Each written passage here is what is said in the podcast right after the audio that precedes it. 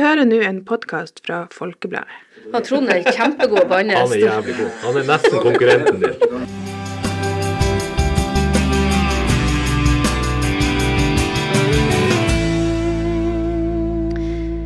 Velkommen til Folkepodden. I dag så har vi med oss Nico Aaland fra Finnsnes, og vi har med oss journalist og produsent av Nisorama, Gøran Johansen. Mitt navn er Susanne Noreng, og jeg er journalist og programleder i Nisorama. Forrige uke så kjørte vi i Folkebladet i gang en ny og litt annerledes adventskalender. Eh, Den fungerer sånn at vi hver uke viser en ny og mystisk nisse som er forkledd. Og så skal folk få gjette på hvem det er som skjuler seg bak maska ved hjelp av flere ledetråder gjennom uka. Eh, Forrige uke så var det ordfører i Salangen Sigrun Wiggen Pressbakmo som skjulte seg bak maska. Mens det i går ble avslørt at det var Nico som var, eh, som var nissen denne uka. Hvordan har det vært for deg denne uka? Nei, det har jo vært litt spennende. Så jeg har jo holdt meg unna sosiale medier, så jeg ikke røper meg sjøl på noe slags vis. ja, du var redd for at du skulle gå på en smell og si hvem det var? Ja, du helvete. Det baller fort på seg. Det er jo noen folk som har spurt om de forskjellige hintene. Det kan være meg, og Ja. Jeg bare spiller og sier nei, jeg har ikke peiling. Faen, du snakker om. ja, men... har Folkebladet noe? Nei, det har jeg ikke sett. Jeg ja, du har klart å holde på maska? jeg har prøvd i hvert fall. ja. Og Har det, vært, eh, har det vært vanskelig? Ja, det gikk greit inntil nabogutten spurte meg. Kom ned i stua mi og spurte om det var meg, og da begynte jeg å flire. Så klarte jeg ikke å holde maska lenger. Nei. Du, em, hvordan var det for deg? Hvordan syns du det var å være med og spille inn dette? Det, det var jo stekende artig. Det var så god stemning når vi holdt på. Så var det jo mye sjorring og jossing, og det elsker jeg jo. Ja. og, og du snakker jo svensk, blant annet. Ja, faen. Jeg prøvde nå i hvert fall. Jeg har jo en eh, svensk kompis som flytta opp hit nå i februar. Å, Så jeg måtte ringe han og få han til å eh, prate svensk til meg, rett og slett. Ja, for du gjør det jo ganske godt. jeg prøver nå i hvert fall. Ja. det er noe sånn uh, svorsk. Ja, ja, ja.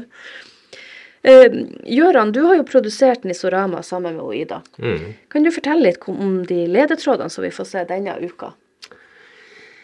Ja, altså det er jo ledetråder egentlig overalt. Eh, det er jo både visuelt, og så er det jo det som blir sagt. Altså det, det starter jo egentlig fra første setning der. Det er jo eh, Det spiller jo litt på de her forskjellige yrkene, du eller alt det du har vært innom. Og kom, altså hva du er aktuell med, alle de plattformene og alt det der. Det starter jo med det der skrivebordet.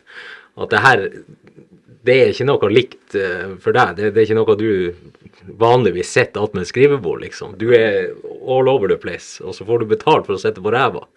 Det er jo egentlig det som, som det hele starter med. Så eh, du kan jo fortelle litt om de forskjellige yrkene, det du har vært eh, gjennom, det du har, eh, din, din karriere til nå.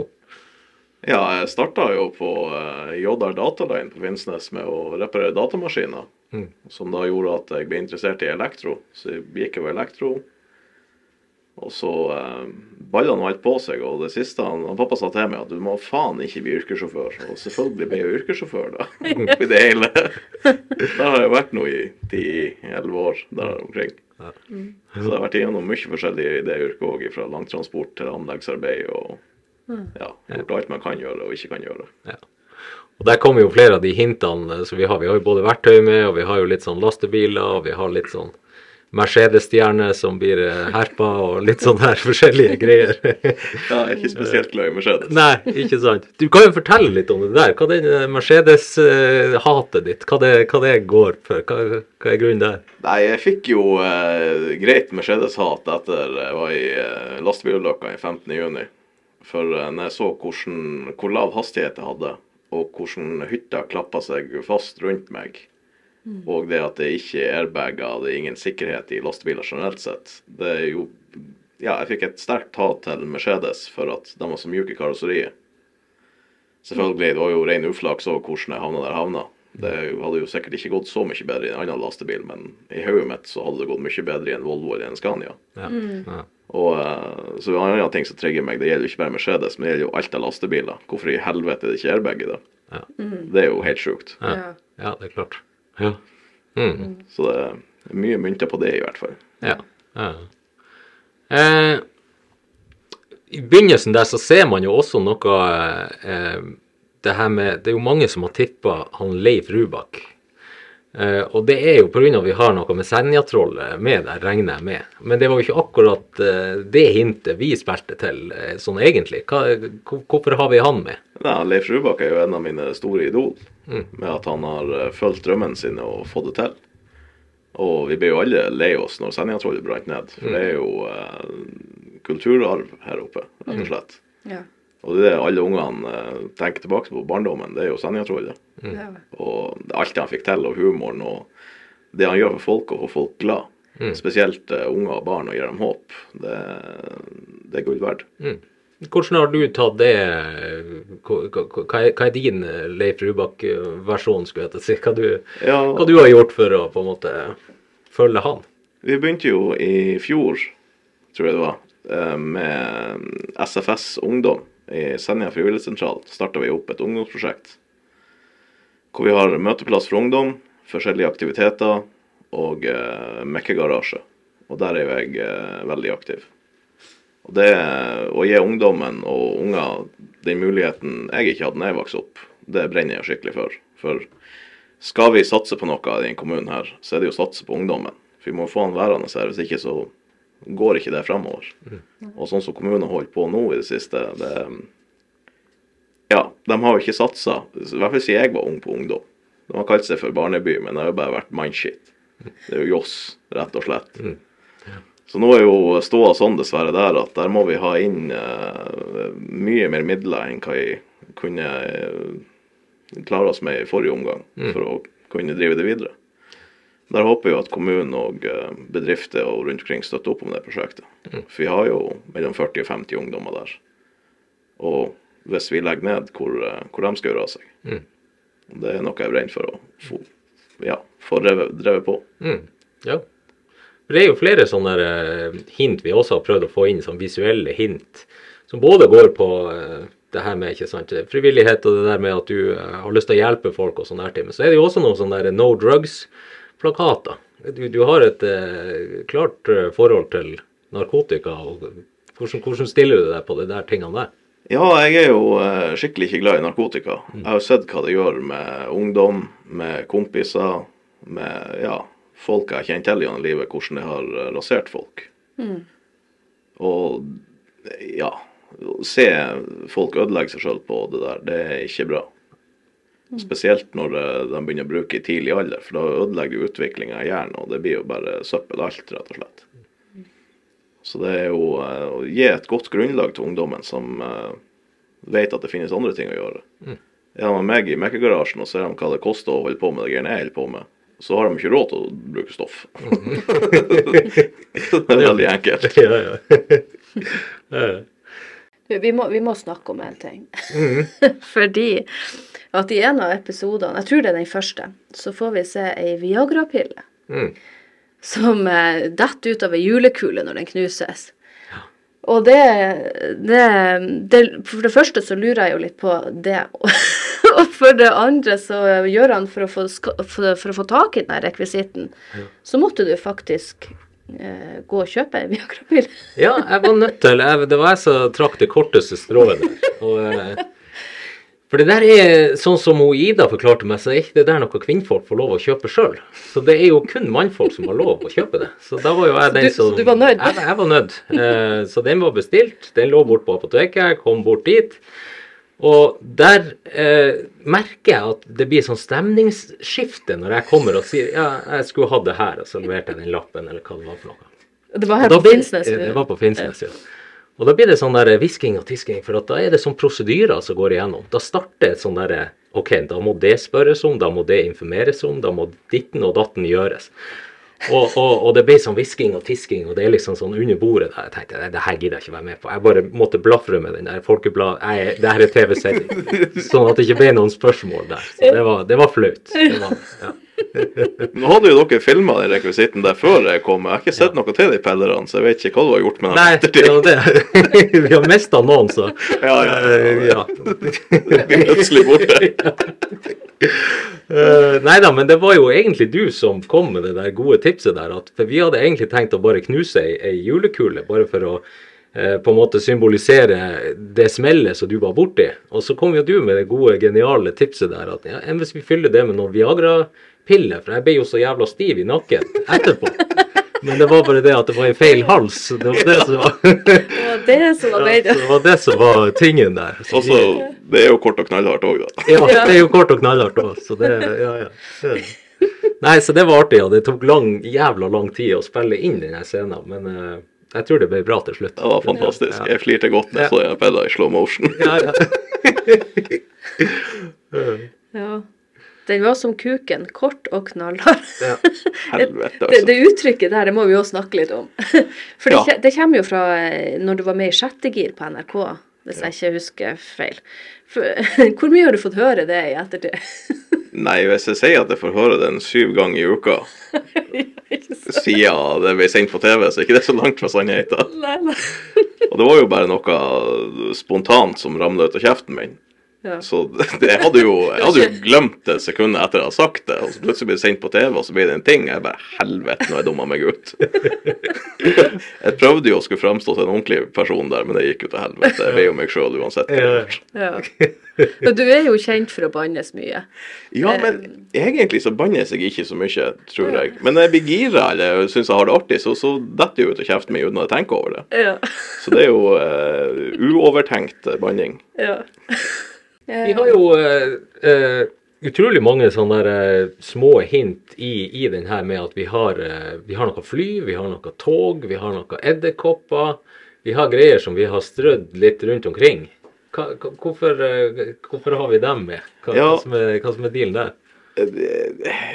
Edderkopper hærer seg ikke. Jeg skjønner ikke hvordan de fungerer. Det er altfor mye føtter og altfor mye øyne, og noen av dem har hår på, og det ser helt jævlig ut. Det, altså, det, det er det forferdeligste vesenet du får uh, tak i i verden, det er jeg helt sikker på. Men tog og, og Ja. hva det er? Nei, jeg var jo steikende lur, skjønner du, i 2017. Da skulle jeg begynne å jobbe turnus sørpå. Da skulle jeg fly nord til sør annenhver uke. Og før jeg eh, begynte å fly, så så jeg alle Final Destination-filmene der alt som kan gå galt, vil gå galt, og det går galt. og jeg var så nervøs når jeg satt den på flyet at eh, jeg, jeg hele turen til Oslo, og kaldsveita hele turen tilbake igjen. Og eh, ja, så nå sitter jeg jo bakerst i flyet når jeg flyr, for jeg har funnet ut at der er det sikrest å sitte. Og når det gjelder tog, så eh, har jo ikke vi tog her oppe. Det eneste vi har, er jo 17. mai-toget. De gangene det går. Det er jo faen ikke hele tida det heller går. Og eh, det, det er Sitte i ei vogn på skinner du ikke har kontroll over hva som skjer for noe, det er jo komfortabelt. jeg liker det ikke. Så jeg, jeg kaldsvett når jeg skulle på tog òg, og ta toget fra Gardermoen opp til Hamar. Det var helt forferdelig. Ja. Hoppe av et par turer, et par plasser før, for kollektivtransport generelt sett, det skjønner jeg meg ikke på. Ja. Så det er fobier, rett og slett. Det er, Ja, det, det- det, er det det går i. Mine verste fobier. Ja. Jeg, jeg lurer litt på om du kunne fortelle, fordi vi hører i en av episodene at du sier ehm, Jeg lærte tidlig å styre kroppen. Faktisk har det redda mitt liv en gang. Hva tenker du på her? Ja, da jeg var liten, så uh, var jo jeg en stressball, og jeg stamma mye. Så lærte jo gamlingen meg å eh, Dæven, jeg kan ikke kalle han for gamlingen på det her, da blir jo jeg drept. Han pappa. Han pappa. Helvete, unge gutten på noen og 60. I hvert fall. Uh, så lærte han meg å puste rolig og roe ned helt. Og uh, når jeg lå i lastebilen og det pumpa blod overalt, så var det jo bare å roe seg helt ned. Og uh, Ja, du mener på den ulykka ja, i sommer? Ja, når jeg lå fastklemt der, så spruta jeg jo litt blod og litt forskjellig. Så det var jo bare å roe seg helt ned, og så kjente jeg det ble lenger mellom hver gang jeg ble våt på øynene. Så da fungerte jo det Ja. ganske greit. Så du roa deg faktisk ned på egen hånd der, pulsen når du lå? Ja, for jeg skjønte jo med en gang det at uh, får jeg panikk her nå, så dør jeg jo med en gang. Ja. For jeg satt jo eneste jeg hadde fri, det var jo høyrehånda som var ledig. Den brukte jeg til å slite vekk karosserideler, så jeg fikk lov så jeg fikk til å puste. Det høres jo helt eh, Det høres jo veldig dramatisk ut. Ja, det anbefales ikke. Nei. kan kan du fortelle litt om, hvordan, eh, om den ulykka? Ja. Hva som skjedde? Nei, det, det, hva som skjedde, det håper jo at jeg får svar på når de har eh, undersøkt lastebilen ferdig, om de har gjort det i det hele tatt. Ja, for du husker kanskje ikke så mye? Nei, eneste jeg uh, hørte, det var et uh, høyt smell. Ja. Og så uh, forskjøv uh, flaket seg på uh, lastebilen på en måte. Flak eller lasta eller et eller annet gikk til helvete. Mm. Og da la bilen seg over, og da hadde jeg jo først retning rett mot en bergnabbe. Og så har jo uh, jeg sett mye motorsport og kjørt mye forskjellig. Ja. Så jeg gjorde bare det jeg kunne gjøre, og fikk styrt meg unna derifra mens jeg var på eh, hjulsettet på ene sida av bilen. Ja. Sikta meg inn på avkjøring, prøvde å legge meg ned på den, men så hekta flaket tak i asfalten og vrei meg rundt inn i en leirvoll. Og da eh, lukka jeg igjen øynene, så A-stolpen krølla seg imot meg. Ja. Men eh, da var jeg fastklemt når jeg åpna opp øynene igjen. Da lå eh, hodet mitt vridd bakom nakkestøtta og Ja. ja, i sånn ugunstig posisjon, kan man si. ja. Herregud. Vi har jo faktisk eh, Det er jo mange som kanskje Jeg ville trodd det var en trompet vi hadde med. Ja. Eller som du kom trekkende med i sånne rekvisitter du skulle ha med. Og så Ja. tenkte Hva er den trompeten? Hva er hvor den kommer inn? Men det er ikke noe trompet. Hva det, hva det er for noe? Det der Det det er- det er kompressorhornet som var på den sida hvor lastebilen ble knust. Ja, okay. Fordi eh, det lastebilen tippa, så gikk jo hele hytta inn i en leirvoll. Ja. Så når jeg var tilbake på ulykkesstedet ei uke etter ulykka mi, utrolig nok, så eh, så han pappa noe som glinsa ned i grøfta. Så vi jo uh, grov det fram, og da var det jo en del av kompressorhornet som kom fram, så den tok jeg med meg hjem som en suvenir. Ja, ja. Ja. ja. Tenkte sånn, fuck det her, det, her, det gikk jo faen meg bra. Ja. Hvordan har det gått i ettertid, etter ulykka? Nei, det, det er jo mye smerter hele tida. Ja. Det Ja, det er direkte utrivelig til tider. Jeg har jo skritteller på telefonen, og det er jo dager hvor jeg går 300 skritt. Jeg er jo bare surrer rundt i leiligheten og går og legger meg igjen. Ja. ja. Men uh, så fort jeg har beina igjen, så for jeg jo ned til Mekkegarasjen og var med ungdommen der. Ja. Selv om jeg ikke var i stand til å gjøre noe, så viser dem at Ja. jeg er i live og det her fungerer ennå. Ja, ja, ja. Og det snakker du jo litt om også, eller vi har egentlig som litt sånn gjennomgående, så at eh, humor har vært viktig for deg, sjølironi, at du ikke tar deg sjøl så seriøst, eh, og at det har hjulpet deg i forbindelse med den ulykka. Eh, særlig i etterkant. Hva, på hvilken måte har det vært viktig for deg? Nei, altså han, Tore Skoglund og Arthur Arntzen er jo store forbilder innenfor humor. Og det er jo galgenhumor det går på. Og det er jo sånn som uh, storesøsteren min skrev til meg på Facebook, at uh, du Nico, du er faen så treg at du er til og med for sein til din egen dødsulykke. Eller egen begravelse, hva faen hun skrev for noe. Og det, det er jo sånn, du må spille på humor, for når du har det mørkt og trist og trasig, skal du sitte av det mørkt og trist og trasig, eller skal du gjøre noe med det og bli i godt humør igjen? For det hjelper jo ingen av å sitte hjemme og være trist og lei deg. Det er jo bare å kle på seg trynet og fungere igjen. Og da er humor det beste legemiddelet som finnes. Det hjelper mot smerte, og det hjelper mot eh, onde tanker, og det hjelper mot alt. Det er bra sant. Eh, ve- ve- Vet du noe, ser du for deg at du blir å, å fortsette som yrkessjåfør etter hvert, eller er du, blir du å skifte yrke? Eh, sånn som står jeg nå, så jeg håper jo å komme tilbake igjen i jobb. Det er jo det jeg satser på, for arbeidsplassen har ute på Ibestad i AP Ulsen og Sønner, det er den beste arbeidsplassen jeg. Det er kjempegode kollegaer, og sjefen min er helt fantastisk. Ja. Så jeg håper jeg kommer tilbake igjen dit, men sånn som står jeg nå, eh, med kroppen min og alt, så ser det jo mer ut som det blir omskolering. Ja, ok. For eh, jeg må jo innse at jeg er ikke den jeg var før eh, 15. juni lenger. Nei. Så nå er det jo mye opptrening og sånn som står på vent. og ja. Du har noen, eh, vi har noen pokaler med i, i, eh, i serien her som blir vist i forskjellige, blant annet noen sånne fiaskogreier. Eh, og så kommer det frem at eh, ja, du, du har venner i sør og i øst og i vest og overalt der.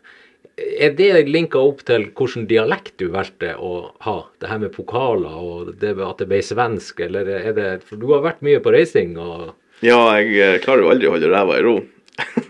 så jeg vurderte jo først å prate sogning, for uh, de pokalene er jo fra Kaupanger. Og der uh, første året for jeg ned med en bil. Det er 150 mil å kjøre dit, så jeg er den som kjørte lengst for å komme ned dit for å kjøre drifting. Og så resulterte i at jeg hadde feil på bilen, og det eneste jeg fikk gjort, var en burnout før jeg for hjem igjen. Og da fikk jeg jo den første fiaskoprisen. Året etterpå så skjønte jeg at jeg tar ikke med meg bilen hit igjen. Det var 36 timer kjøring og 150 mil, det orker jeg ikke mer. For ned dit var spiker, lånte en bil til en kompis og knuste den. og alt det her det er uten å kjøre en hel runde på banen. så da ble det fiaskoprisen andre gangen. Og grunnen til at jeg snakker svensk, er for at jeg har eh, hvert år siden jeg begynte som yrkessjåfør, så har jeg eh, foren til Sverige til en eh, kompis som Ja, flere kompiser av meg der nede. Og kjøpt biler, høgd biler, skrudd bil, festa, hadde artig. Og da har man jo blitt litt svensk oppi det hele. Så man får liksom en familie hver plass man er på. Mm. Så man har en familie i Bergen, en familie i Sogndal, en familie i- på Løten, en familie i Elverum. Man har liksom Og du prater alltid deres dialekt når du er der, er det det, eller? Nei, de prøver nå som regel å la være, men uh, sånn som i Sverige så er det vanskelig for dem å skjønne nordnorsk. Ja, ja. Sånn er det jo. Ofte når man er i Sverige, så må man ta enkelte ord på, Ja. på svensk. I Sogndal, heldigvis, der, der, der snakker de jo tydeligvis uh, nynorsk. Ja. Jeg trodde han prata gebrokken nordlending de første to årene jeg var Så der er det jo jeg som tar etter dem, og, Ja. for å skjønne hva i faen de sier for noe. Vi har jo en nisse med, eh, som eh, Altså, det var vel egentlig hintet. Det er, jo, det, er jo, det er jo en nisse som jeg har fått ifra min mor, eh, som, som er julepynt, og som jeg tenkte ja, jeg kan jo ta den med, og så kan jeg bare stå i bakgrunnen der. Og, og så driter jeg meg ut og knuser den nissen eh, under ei innspilling, sånn at hodet datt av han. Så var jo planen der OK, du har jo vært i ei ulykke. Det her kan jo på en måte være litt likt, ikke sant? Eh, Så da tenkte vi da kan det jo passe bra at du sitter og limer den der i løpet av episodene, ikke sant? Og det gjør du jo. Vi ser deg jo hele tida med den limstiften. Du sitter der og limer på de her bitene. Og så er det siste som skjer når etter avsløringa, det er at du skal For da fikk vi en idé. Da skulle du ha med deg hjemmebrentapparatet, og så skulle du dra hjem.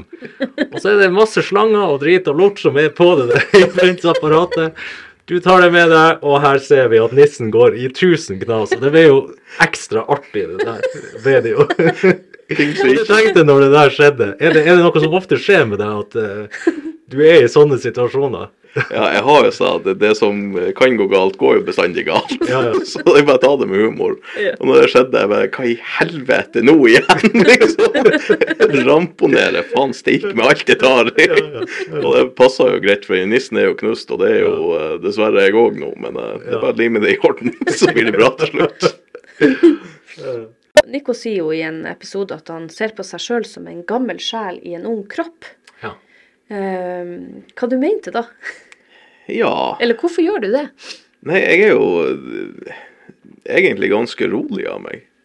Sånn som eh, når jeg er på Snapchat eller TikTok og sånne ting, så fremstår jeg jo som en sånn supersosial fyr som gjør mye forskjellig, men jeg trives eh, veldig godt hjemme med en kaffekopp og så P1 på radio. jeg er faen meg helt der, liksom. Hver morgen jeg står opp, så er det kaffe, og så er nyhetskanalen. Jeg står og ruller og går. Jeg synes det, Og så er jeg jo ja, jeg liker jo eh, gammel type musikk òg. CC Topp og de gode gamle slagerne. Liker gamle biler. ja. Høres koselig ut. Ja. Du, vi ser et bilde av Kurt Nilsen og Martin Skanke. Hva, hva, dere, hva, hva er ment med det? Nei, han eh, Kurt Nilsen er mitt fjerne søskenbarn, tror jeg, for vi har begge mellomrom mellom tennene. Og så er jeg veldig glad i å synge når jeg er full, men jeg kan jo ikke synge. Men han kan jo synge, da. Så det er jo noen sånne differanser der. Ja, ok. Og så han eh, Martin Skanke er jo et av mine store forbilder innenfor motorsport. Ja, ikke Han satte satt jo uh, rallycross på kartet, så det sang jeg etter. Ja. Og som nordlending i tillegg. Ja, ja. Han, ba, han bannes jo litt, han òg.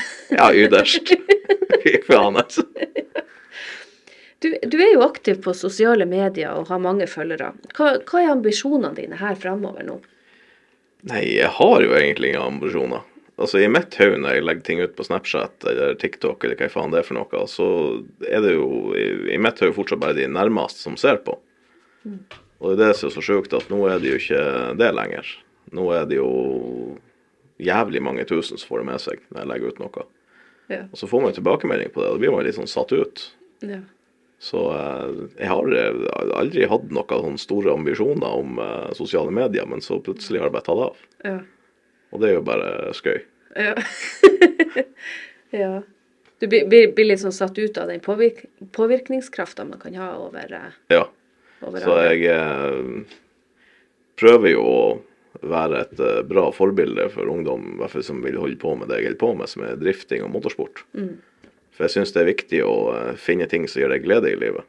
Og det å kunne bygge en bil som du ikke vet fungerer, og så starter du den, så kjører den på bane, og du vet at du har sittet i hop sjøl, det er jo eh, en mestringsfølelse som eh, Ja. Ja, det er helt fantastisk. ja. Det vil jeg tro. Vi ser jo flere ganger også i løpet av episodene at det er eh, et ark der det står A pluss på.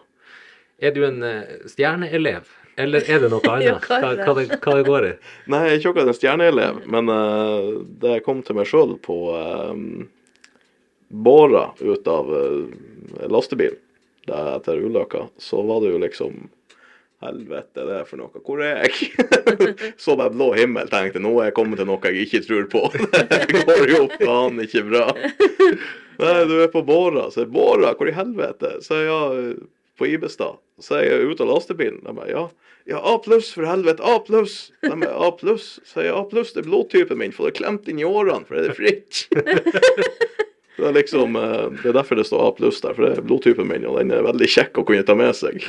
Den skal jo stå på løpsbilene òg, så den vet I tilfelle. ja. tilfelle noe fare er på ferde. Ja, ja.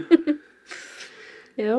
Eh, så ser vi også at det står eh, flere ganger at det står nummer fire på ei julekule. Er det tallet fire, er det noe stor betydning, eller?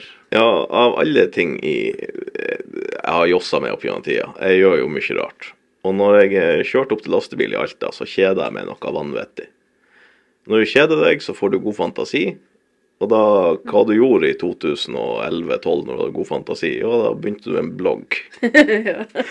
Så plutselig var jeg nummer fire i landet der. Ja. Og det er jo ganske sjukt. Ja, Hva som gjorde at du ble så populær da?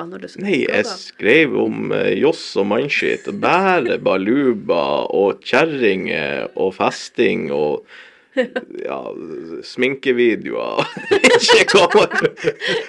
Heldigvis har jeg sletta det nå, for det tåler faen ikke dagens lys lenger. Men det var noe veldig populært, tydeligvis. da. Ja, det tok jo helt av, men så eh, når jeg slutta å kjede meg, så eh, hadde jeg ikke motivasjon lenger. Nei. Da var det ikke noe gøy. Nei. Derfor, eh, sånn som når jeg legger ting ut på Snapchat som, eller TikTok som, er, som jeg syns er gøy Jeg vet jo ikke hva folk liker, jeg legger bare ut det jeg sjøl syns er gøy. Ja. Så det er som regel når jeg enten kjeder meg noe jævlig, eller har en dårlig dag. Ja. For da, dårlig dag må man fylle med humor. Da er det bare å finne på noe joss og Ja. lage humor på. Ja. Men hvilket forhold har du til jula og, og julekalendere, da? Nico? Ja, jul og julekalendere er jo fantastisk. Jeg husker jo uh, Julefergo som gikk på TV. Jeg syns det var dritartig. Men uh, nå i år så uh, har vi laga en litt ny vri på det.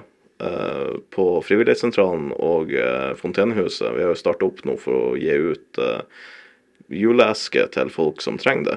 Ja. Så eh, det er det jeg fyller romjulstida mi med nå. Det er å få delt ut eh, mat og gaver til dem som trenger det, som ikke har så mye. Så der håper vi at flere melder seg på og ja. alt sånt. For jeg liker å glede andre. Givende arbeid. Ja, det er givende, rett og slett. Jeg syns det er helt fantastisk. Og med det så skal vi si takk for i dag. Takk for at du hørte på.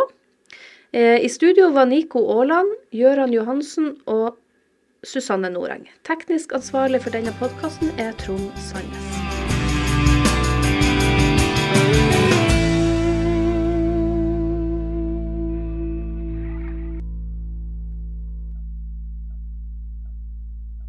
Du har hørt en podkast fra Folkebladet. Sjefredaktør er Steinulf Henriksen.